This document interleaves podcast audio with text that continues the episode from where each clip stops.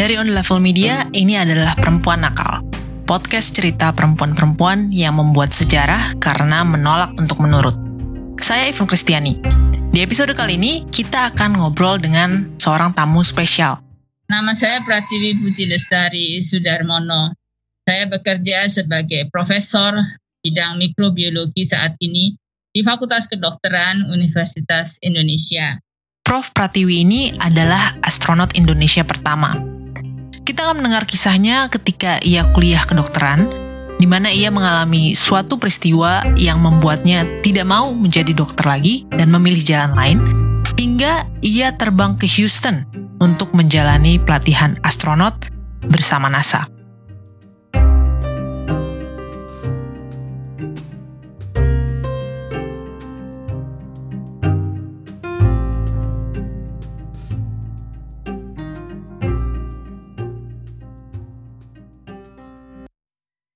Hidup kita penuh dengan pilihan.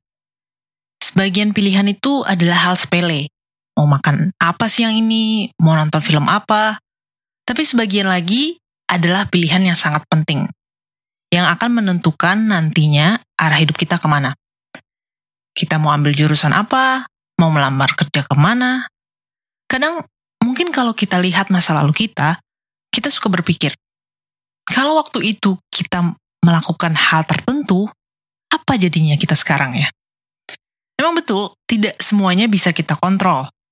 Tapi untuk sebagian kecil hal di hidup ini yang bisa kita kontrol, pilihan-pilihan kita menentukan diri kita. Bagi seorang Pratiwi Sudarmono, ketika ia dihadapkan pada pilihan apakah ia akan belajar ke Jepang atau tetap tinggal di Indonesia atas permintaan ibunya, jawabannya sangat jelas.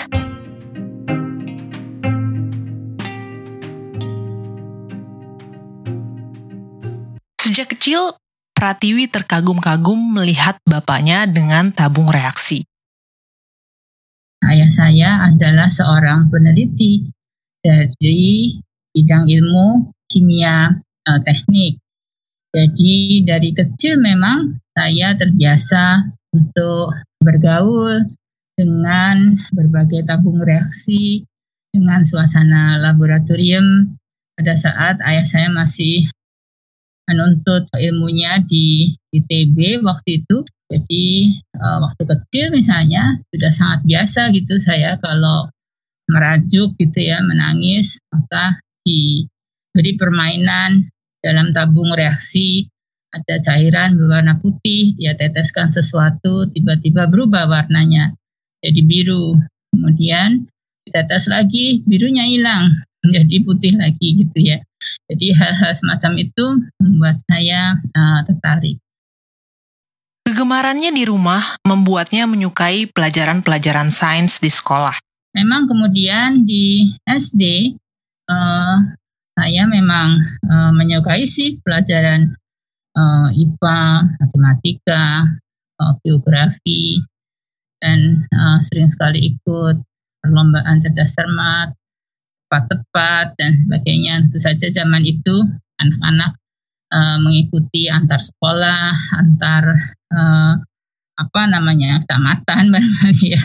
Hal semacam itu saya uh, alami. Jadi ada perpaduan ya antara uh, apa yang sering saya alami di rumah uh, karena bukan hanya saya, adik saya seperti misalnya juga perempuan, sekarang juga profesor, juga dokter tentu saja terpapar dengan hal yang sama kita ini di rumah gitu.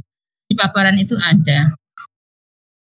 Tapi itu tidak serta-merta membuatnya ingin menjadi ilmuwan. Tetapi soal cita-cita barangkali uh, mungkin berbeda ya. Saya kecil sih juga suka menari, saya les piano dan seterusnya. Sehingga waktu lulus SMA sih tidak berminat gitu masuk uh, sekolah sains teknologi itu buat kita bosen. Karena selalu itu aja yang kemudian disodorkan kan ke kita. Kalau anak-anak dipilih buat pertandingan olahraga kita nggak kepilih. Anak-anak dipilih buat pertandingan uh, paduan suara kita nggak kepilih. Tapi kalau giliran mau masuk TV cepat-cepat gitu oh, kita mesti belajar kita mesti ditentir gitu ya Jadi pada waktu masuk sekolah, selesai SMA kita, wah males banget masuk ke kayak beginian ini soalnya sama sekali nggak ada senang-senangnya ya nggak fun gitu. Kita pengen masuk sekolah tari, kita pengen uh, masuk sekolah drama gitu ya. Tapi orang tua bilang dicoba aja lah gitu, dicoba dulu masuk ke perguruan tinggi yang lebih serius gitu ya. Jadi pada waktu itu karena kita sudah di Jakarta, yang terbagus pada saat itu ya Fakultas Kedokteran ya. Kalau UI itu Fakultas Kedokteran, masuklah saya ke Fakultas Kedokteran tanpa kesulitan istilahnya ya. Jadi masuk ke Fakultas Kedokteran dan menjalani sekolah itu enam tahun persis ya. Ketika ia menjalani perkuliahan, Pratiwi menyadari kalau jurusan kedokteran bukanlah untuknya. Ya, ternyata di Fakultas Kedokteran tuh kita tidak menikmati sama sekali. Jadi pada awal-awal masuk Fakultas Kedokteran itu misalnya melihat mayat gitu, kita takut sekali. Jadi kalau masuk ke ruang atau bangsa potong anatomi itu, waduh saya selalu uh, sembunyi di belakang teman-teman saya gitu ya, uh, menakutkan buat saya ruangannya, suasananya itu menakutkan dan tidak nyaman buat sekolah. Namun demikian, karena e, prestasi sekolah itu nggak jelek ya, ya jadi kita lewat aja, lewat, lewat, lewat sampai akhirnya masuk ke rumah sakit, masuk ke klinik. Dan di situ saya mulai lebih lagi saya tidak menyukai karena buat saya dunia itu penuh orang mengeluh gitu ya. Semua mengeluh sakit, semua mengeluh tidak nyaman, semua mengeluh takut gitu ya kan? Tidak hanya itu, ketika ia bekerja di rumah sakit, ada satu peristiwa yang sangat membekas bagi dirinya hingga ia memutuskan untuk tidak menjadi dokter. Saya ingat betul beliau adalah seorang dari uh, etnik Batak membawa anaknya Anaknya datang dengan panas tinggi, anaknya masih kecil, panas tinggi, dan rupanya terjadi radang paru. Dan kita semua malam itu tidak bisa menyelamatkan nyawa anak ini. Anak ini akhirnya meninggal dan ayahnya sangat berduka sambil e, menangis. Dia menyampaikan bahwa percuma kita bawa sudah ke dokter, sudah susah kita bawa ke dokter, tapi tidak tertolong juga. Padahal dia merasa mengatakan bahwa anaknya itu belum dia bawa ke tanah Batak, belum dia tunjukkan pada orang tuanya. Jadi duka cita dan kekecewaannya kepada kita itu luar biasa. Dan saya pada waktu itu baru sadar ternyata kemampuan dokter itu sangat terbatas. Karena gagal menyelamatkan anak tersebut, Pratiwi bertekad untuk tidak lagi mencoba menyembuhkan penyakit tetapi mendeteksi secara dini bibit penyakit tersebut sebelum menyebabkan infeksi dan merenggut korban. Dari pelajaran yang kita terima waktu itu, kita tahu bahwa penyakit itu disebabkan oleh peradangan, oleh infeksi. Infeksinya harusnya bisa diobati, bisa dideteksi, bisa dicarikan pertolongan dan seterusnya. Tetapi baru kemudian saya memahami betul bahwa dunia kedokteran itu dokter-dokter yang di ujung tombak itu harus ditunjang oleh penelitian-penelitian yang mencari obat, mencari cara mendiagnosis, mencari cara mencegah dan seterusnya supaya mereka-mereka itu tidak sakit dan tidak mati. Nah, di situlah saya mulai tertarik kepada ilmu mikrobiologi ini mikrobiologi ini kan kalau di kedokteran adalah ilmu mengenai dasar trenik yang menyebabkan penyakit kan ya. Ilmu mikrobiologi itu pada waktu itu kita mulai baca-baca merupakan ilmu yang paling cepat, paling pesat berkembang di tahun 50-an itu karena pada waktu itu mulai berkembang apa yang disebut genetic engineering, rekayasa genetik biologi molekul dan seterusnya ilmu-ilmu baru, ilmu modern dalam ilmu biologi yang sebetulnya kalau sekarang sudah kita lewati sekian tahun merupakan revolusi ya di dalam perkembangan ilmu tentang makhluk hidup ya. Jadi di situlah saya kemudian bertekad saya tidak mau jadi dokter, saya tentu saja akan lulus menjadi dokter karena saya tidak pernah uh, gagal. Saya pasti akan lulus jadi dokter, tapi saya tidak mau jadi dokter praktek. Dan kemudian saya begitu selesai saya mendaftarkan diri saya di mikrobiologi itu ceritanya.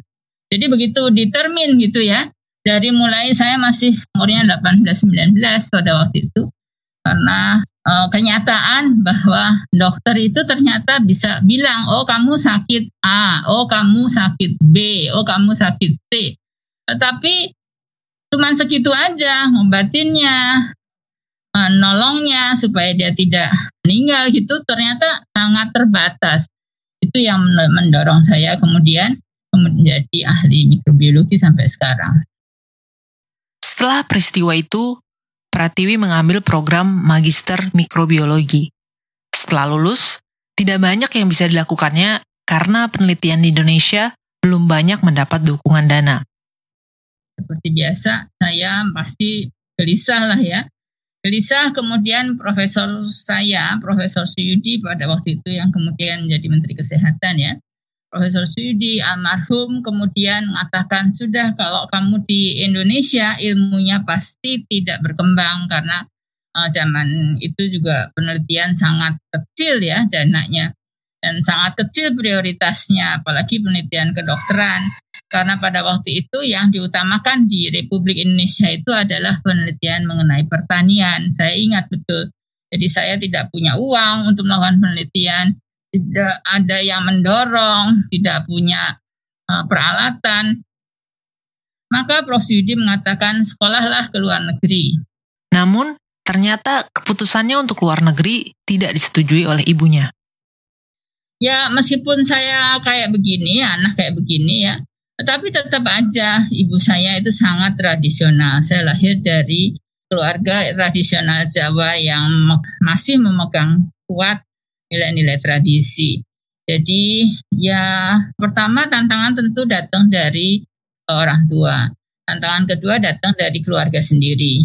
Pada waktu itu saya sudah punya anak satu. Bahkan waktu saya sekolah ke uh, luar negeri itu pun saya juga sudah punya anak satu. Saya menikah segera sesudah saya selesai jadi dokter.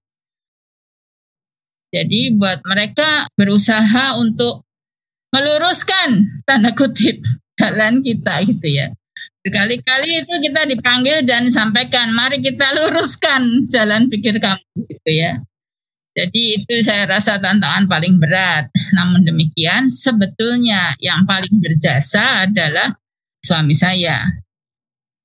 Beliau mempunyai pandangan bahwa pemikiran atau ide atau gagasan itu enggak mungkin mampu dibendung Apalagi kalau kita bekerja di lingkungan akademik ya, nggak mungkin dibendung.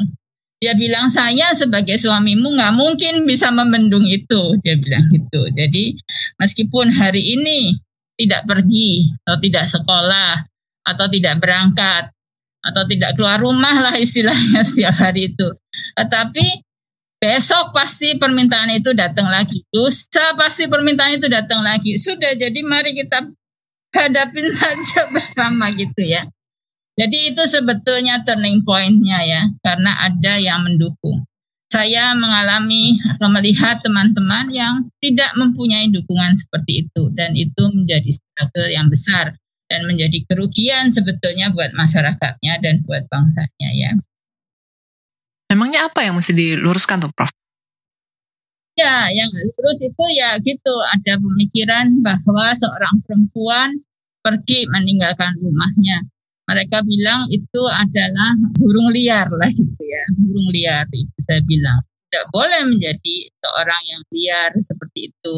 Bukan contoh yang baik buat karena saya punya adik banyak buat adik-adik kamu, buat keluarga dia bilang bukan contoh yang baik dan seterusnya ya dan itu sih on and on and on tetapi ya uh, kan mereka kembali kan menoleh kepada uh, suami kan ya suaminya kasih ya udah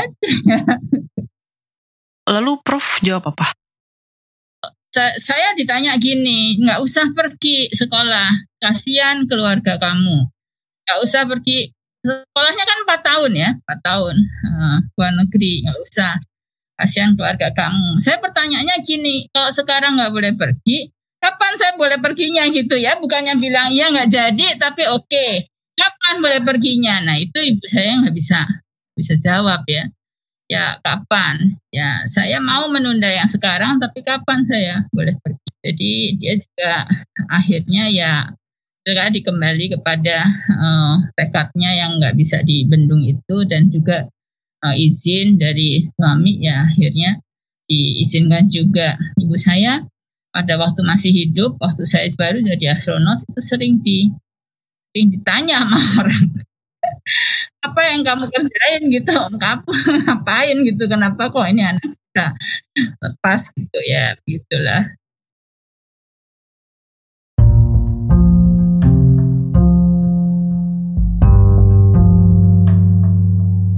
Tidak ada yang bisa menahan Pratiwi karena tekadnya sudah bulat.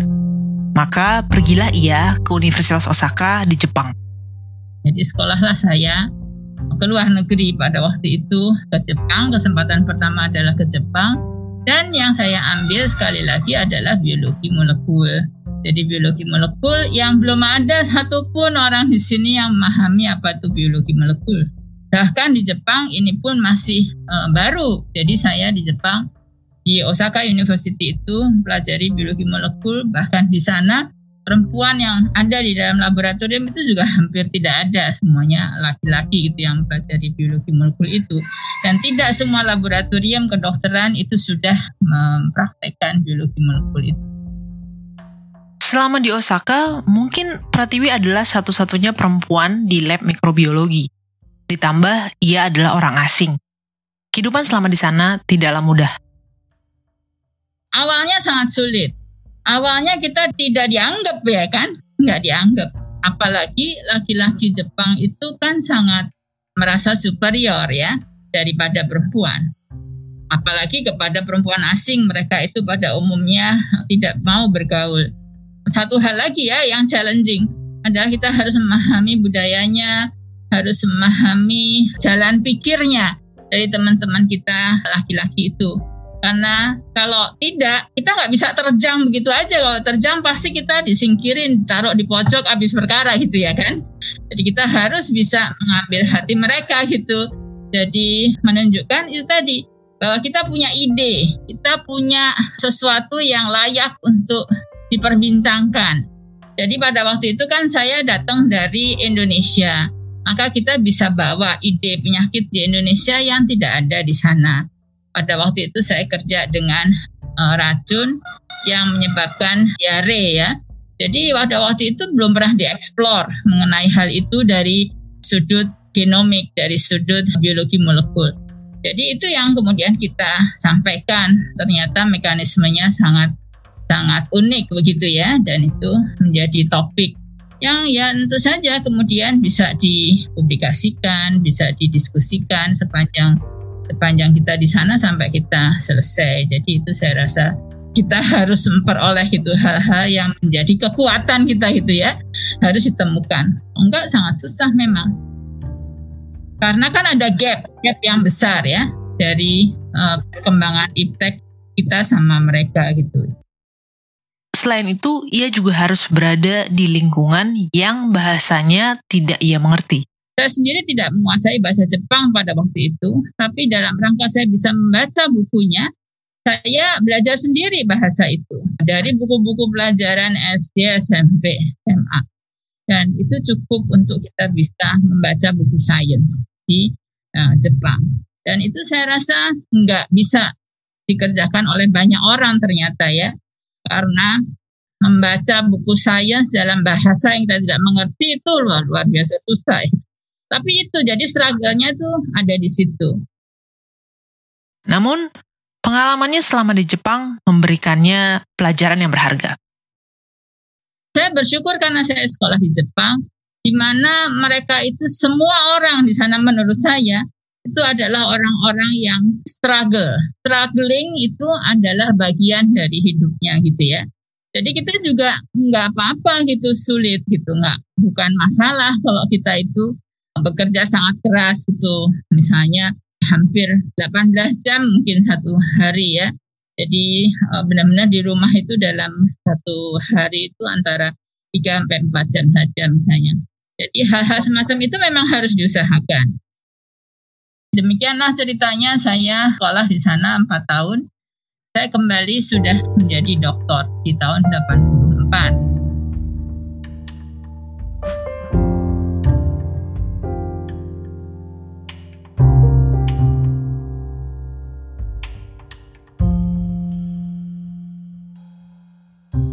Pada waktu saya kembali, anggurlah saya.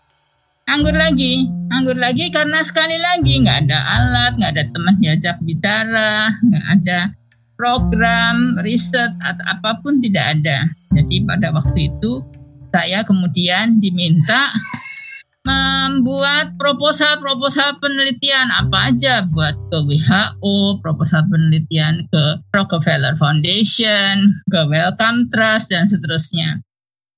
Tiba-tiba datanglah permintaan atau perintah lah tanda kutip dari Universitas Indonesia untuk bisa membuatkan proposal bagi uh, calon antariksawan kita yang akan terbang bersama NASA untuk uh, menyaksikan peluncuran satelit Palapa. Jadi itu awal mulanya. Jadi yang minta adalah resmi dari Universitas Indonesia. Buatlah karena ada permintaan ini kepada siapa katanya mau dikasih. Kamu yang nganggur gitu kan. Jadi saya karena nganggur saya bikin. Dan emang ternyata kita pelajari-pelajari ini sebetulnya apa sih yang terjadi waktu dipelajari ternyata memang yang dibutuhkan Tentu saja karena itu adalah pesawat ulang alik, kita belajar ya mulai belajar itu pesawat ulang alik, ruangannya kecil, kita tidak bisa membawa peralatan besar-besar, misalnya mau bawa teleskop itu tidak bisa. Jadi yang bisa dikerjakan ya penelitian-penelitian yang sederhana, sederhana tetapi kiranya akan berguna gitu ya. Jadi kembali kemudian saya mengajukan penelitian dari sisi mikrobiologi lagi. Jadi dari sisi mikrobiologi kita mau lihat apakah mereka-mereka yang uh, kiranya akan tinggal di luar angkasa dalam waktu yang lama itu cukup mempunyai ketahanan. Bagaimana misalnya kalau tinggal dalam waktu yang lama bagaimana menyediakan air yang steril, yang bersih dalam jangka panjang kan nggak ada ini sumber air, jadi air harus di recycle. Nah, hal semacam itu supaya tetap bisa sehat airnya kan masalahnya kembali masalah mikrobiologi ya. Bagaimana daya tahan atau imunitas itu kembali ilmu mikrobiologi. Jadi itu saya bikin. Saya bikin proposalnya, kemudian dilombakanlah se Indonesia ini. Ada 50-an lebih proposal penelitian pada waktu itu ya. Dari lebih dari 20 perguruan tinggi di Indonesia ini. Dan kemudian ada jurinya, tentu saja ada panitianya. Kemudian termasuk juga berkomunikasi dengan NASA. Dan kemudian dipilihlah lima yang kemudian menjadi sebutannya Indonesian Space Experiment, INSPEC. Nah, pada waktu INSPEC itu diajukan dan selesai dan eh, siap untuk di-endorse gitu ya, mereka mulai bingung nih nyarinya siapa, nyari orang yang mau pergi kan ya. Karena enggak enggak mudah kan ya melakukan penelitian eh, biologi gitu untuk orang-orang yang kita pikir bisa jadi calon astronot waktu itu. Baik itu dari Angkatan Udara, dari tentara, dari kepolisian yang mempunyai armada uh, penerbangan ya, ataupun orang-orang yang berminat untuk pergi ke luar uh, angkasa yang mendaftarkan pada waktu itu. Maka kemudian dimintalah saya untuk dites. Dan kemudian saya ikutlah tes itu akhirnya. Karena bujukan bahwa ini siapa yang mau jalanin proposal ini katanya gitu. Kalau bukan orang yang paham gimana katanya kami kami kan nggak bisa jalaninnya gitu. Tapi meskipun demikian mereka ikut seluruh rangkaian seleksi termasuk saya juga dan akhirnya uh, saya terpilih bersama Taufik Akbar ya.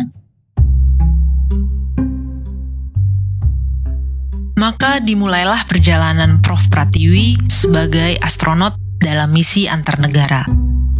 Misi itu mulai semenjak saya diseleksi, itu misinya sudah antara Indonesia dan Amerika Serikat. Memang itu adalah resmi undangan Amerika Serikat ya kepada eh, Republik Indonesia.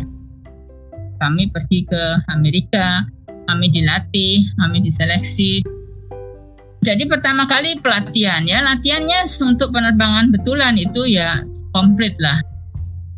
Seperti apa pengalamannya waktu itu saat di NASA, Prof? Di sana kan dunianya bukan dunia biologi ya. Dunia itu dunia science technology engineering 100% gitu kan ya. Jadi adaptasinya luar biasa uh, susah. Teman saya yang Taufik Akbar kan seorang insinyur, buat dia juga susah kan. Sementara pada waktu itu tentu saja Amerika lebih maju dari Indonesia dalam hal ilmu komputasi ya, komputer dan sebagainya sudah mulai digunakan. Jadi kita ya begitu dalam kondisi setiap hari mempelajari hal yang baru gitu kan ya di dalam sains teknologi engineering itu dan itu emang uh, proyek yang padat sekali dengan teknologi. Jadi kita belajar banyak hal mulai dari belajar mengenai pesawat itu apa, bagaimana mengoperasikannya sampai kepada bagaimana kita hidup bisa mempertahankan diri kita, bagaimana mempertahankan diri kita dalam keadaan bahaya, bagaimana kita melakukan penelitian di luar angkasa, bagaimana kehidupan hari-hari kita di luar angkasa dan seterusnya itu ada jadwalnya. Saya rasa itu sih sesuatu banget juga kan ya melakukan uh, latihan luar biasa berat.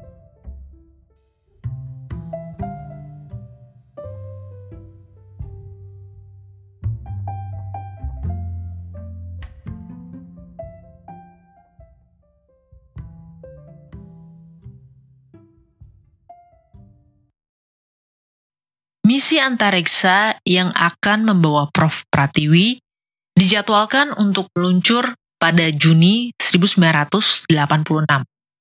Prof. Pratiwi akan terbang bersama lima orang kru Amerika dan satu orang kru Inggris. Tapi, pada Januari tahun itu, terjadi sebuah tragedi yang mengubah semua rencana yang sudah dipersiapkan. This is a special report from Channel 4 News. Good morning, I'm Ken Shocknick and Space Shuttle Challenger is just a few seconds away from blasting off from the Kennedy Space Center near Cape Canaveral, Florida. Let's take a look right now. Challenger finally getting ready to leave KSC. Its launch delayed a couple of times because of weather and mechanical problems. Challenger, go and throttle up. Roger, go and throttle up. This shuttle mission will launch, my God, 1 minute 15 There's been an explosion. Velocity 2,900 feet per second. Altitude 9 nautical miles. Downrange distance 7 nautical miles. this is not standard. This is not something that is planned, of course.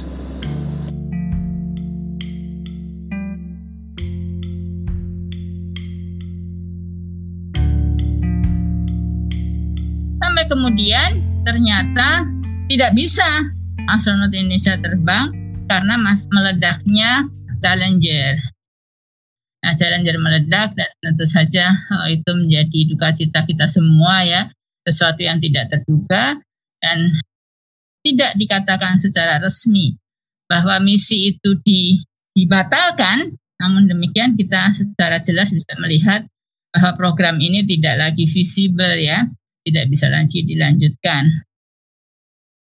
Dan kita melakukan pelatihan itu terus meskipun pesawat ulang alik itu sudah meledak ya. Jadi kita uh, lanjutkan. Namun demikian ada tawaran yang lebih menarik yaitu kita melanjutkan penelitian ground. Jadi penelitian yang dibawa keluar angkasa itu harus ada penelitian di bawahnya kan ya, penelitian buminya gitu. Nah penelitian buminya itu dilakukan penelitian dan saya melanjutkannya uh, di Space Biology Lab. Jadi Space Biology Laboratory yang kepunyaan NASA itu ada di Johnson Space Center juga di Houston. Jadi saya bergabung bersama para peneliti di sana. Dan di sanalah saya pertama kali memahami dan mempelajari berbagai hal yang terkait dengan uh, space biology itu yang antara lain di dalamnya juga termasuk ilmu kedokteran penerbangan ya. Jadi ilmu kedokteran penerbangan itu juga terkait sama sekali 100% sangat terkait dengan uh, space biology. Jadi itu luar biasa menarik, sesuatu yang baru lagi dalam kehidupan saya dan saya pikir itu merupakan pengalaman yang uh, luar biasa gitu ya. Misi itu berlangsung dari tahun 1985 sampai 1997 baru selesai ya. Jadi 12 tahun. Sampai akhirnya Indonesia mengalami resesi ekonomi di tahun 97 dan pada waktu resesi itu mm, Bapak Profesor B.J. Habibie yang waktu itu Menristek mengatakan bahwa kita tidak lagi punya uang gitu ya karena uangnya terlalu banyak kan untuk mengirim ke sana sementara program di Indonesia juga sudah hampir tidak ada untuk melakukan kegiatan-kegiatan kedirgantaraan maka kemudian program ini uh, dihentikan dan saya uh, kembali balik ke Indonesia dan balik ke Universitas Indonesia ya.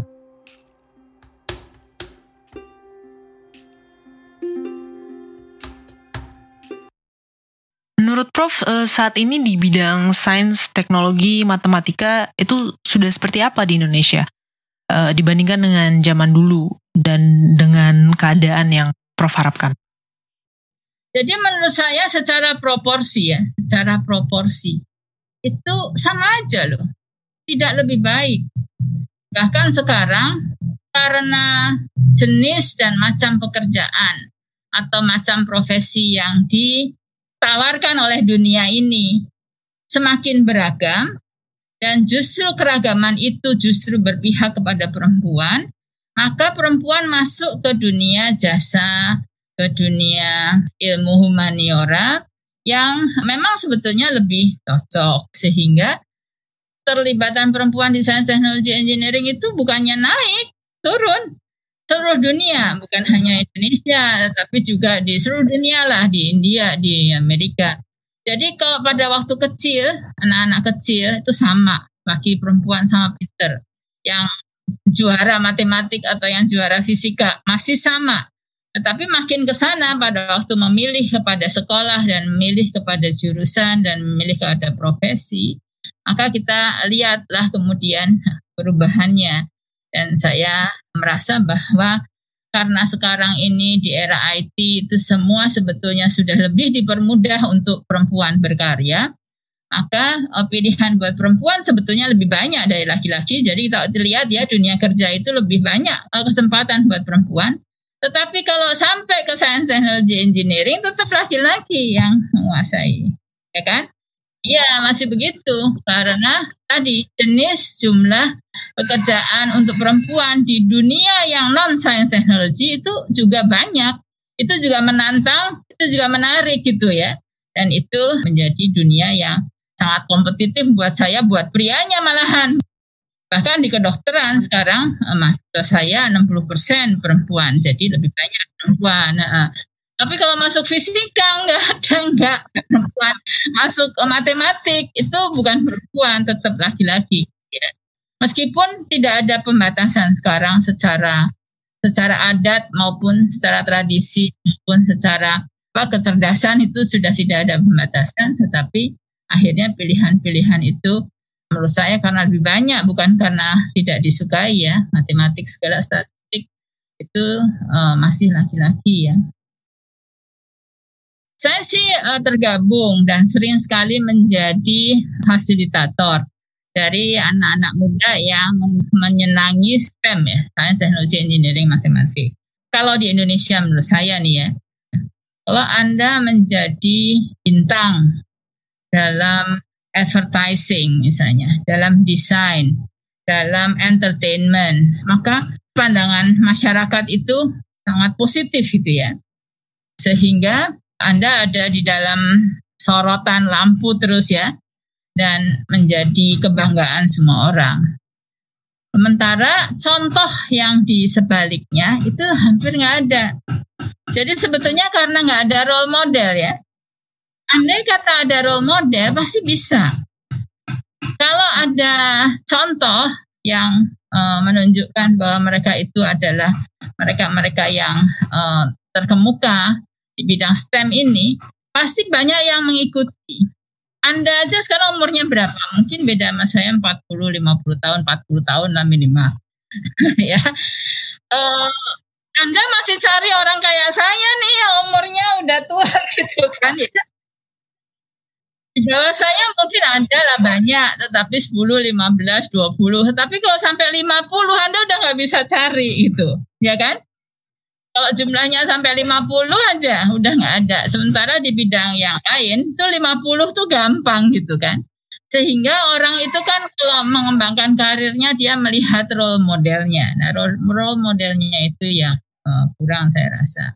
Bahkan kalau di dunia kedokteran banyak orang mau jadi dokter, tetapi kalau mau jadi dokter yang mengabdi di pedalaman, cari dokter yang mengabdi dalam bidang ilmu pengetahuan, itu mereka sama juga. Di kedokteran tuh nggak mau. Nggak sampai lima persen dari orang kedokteran yang mau masuk ke mikrobiologi nggak nyampe. Yang mau bekerja di laboratorium dokter Indonesia saat ini nggak ada. Lima persen pun tidak ada. Nah jadi itulah sulitnya kan karena kesuksesan itu ukurannya adalah yaitu tadi uang ketenaran kenyamanan ya dan seterusnya Nah, itu yang kemudian kalau harus saya seperti tadi saya kembali bahwa itu memerlukan eks, ke, kegiatan ekstra keras atau perjuangan ekstra keras to eksis di dalam dunia pengetahuan, wah itu malas orang-orang muda sekarang kan. Jadi itu yang saya rasa menjadi uh, hambatan ya. Mungkin masih ada yang ragu untuk apa mempelajari sains. Tapi untuk negara kita sendiri, penting agar penelitian di bidang sains ini lebih maju karena banyak masalah di Indonesia yang hanya kita yang bisa memperbaikinya. Hanya orang Indonesia bisa mengeksplor atau mencari misalnya vaksinnya demam berdarah. Siapa mau cari orang di Amerika nggak ada demam berdarahnya? Sementara di Indonesia setiap beberapa menit, setiap seperempat jam minimal ada satu orang meninggal demam berdarah. Dengan demikian, maka kalau nggak ada orang yang maju, orang Indonesia yang maju, ya kita akan menjadi korban penyakit itu terus menerus sampai kapan pun juga, gitu ya. Jadi itu saya rasa uh, harus dipahami sama anak muda bahwa hanya kita sendiri yang bisa perbaiki kondisi uh, kehidupan di Indonesia ini. Kalau Prof Pratiwi sendiri kan mendapat dukungan dari suami untuk uh, belajar lagi di luar negeri. Tapi mungkin banyak perempuan lain yang untuk berkarya itu tidak mendapat dukungan dari keluarga. Bagaimana pendapatnya Prof tentang itu? Ya, sering kali mereka itu tidak mendukung dan kemudian mendapat alasan untuk tidak mendukungnya itu cukup banyak gitu ya. Pertama, barangkali mereka e, melihat misalnya fisiknya memang tidak kuat, ya kan? Banyak anak perempuan yang rasa takut lah, gampang takut, gampang bimbang gitu ya, gampang ragu-ragu gitu kan banyak. Yang kedua memang gimana ya nggak bisa multitasking gitu ya. Banyak kan orang nggak bisa multitasking. Jadi kerja, belajar, pintar, tapi ya ngurus rumah nggak bisa, ngurus anak nggak bisa gitu ya.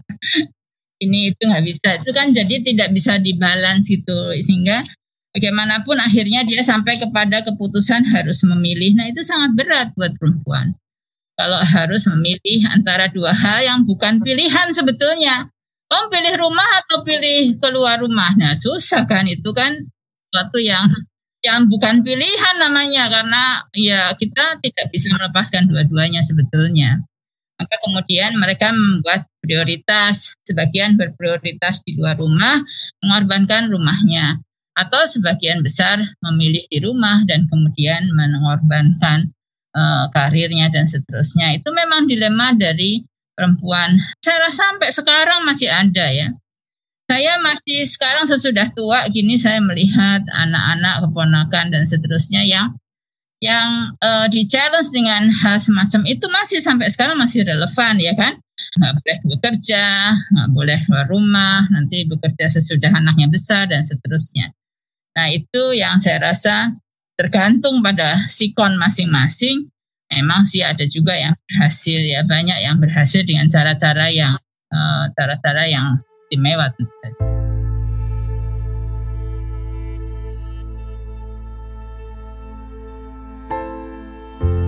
Hidup itu penuh dengan pilihan.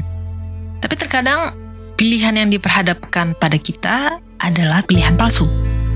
Jadi berumah tangga atau wanita karir. Apa benar memilih yang satu berarti meninggalkan yang lain? Memang betul, tidak akan mudah menjalani keduanya sendirian. Kita butuh dukungan dari orang sekitar, suami, orang tua, dan teman. Bagi banyak perempuan, kadangkala keharusannya setelah menikah adalah harus di rumah dan berhenti bekerja. Kalau itu memang pilihan yang mereka ambil, tidak masalah. Tapi sering kali banyak yang harus membatalkan mimpi mereka setelah berkeluarga karena tekanan dari sekitar. Apabila ketika itu Prof. Pratiwi memilih untuk tidak ke Jepang, Indonesia tidak akan pernah punya seorang astronot peneliti biologi antariksa di NASA. Dan kalau perempuan Indonesia kini tidak diberikan pilihan untuk meniti karir, saat ini ada berapa astronot atau ilmuwan lain yang tidak jadi terbentuk.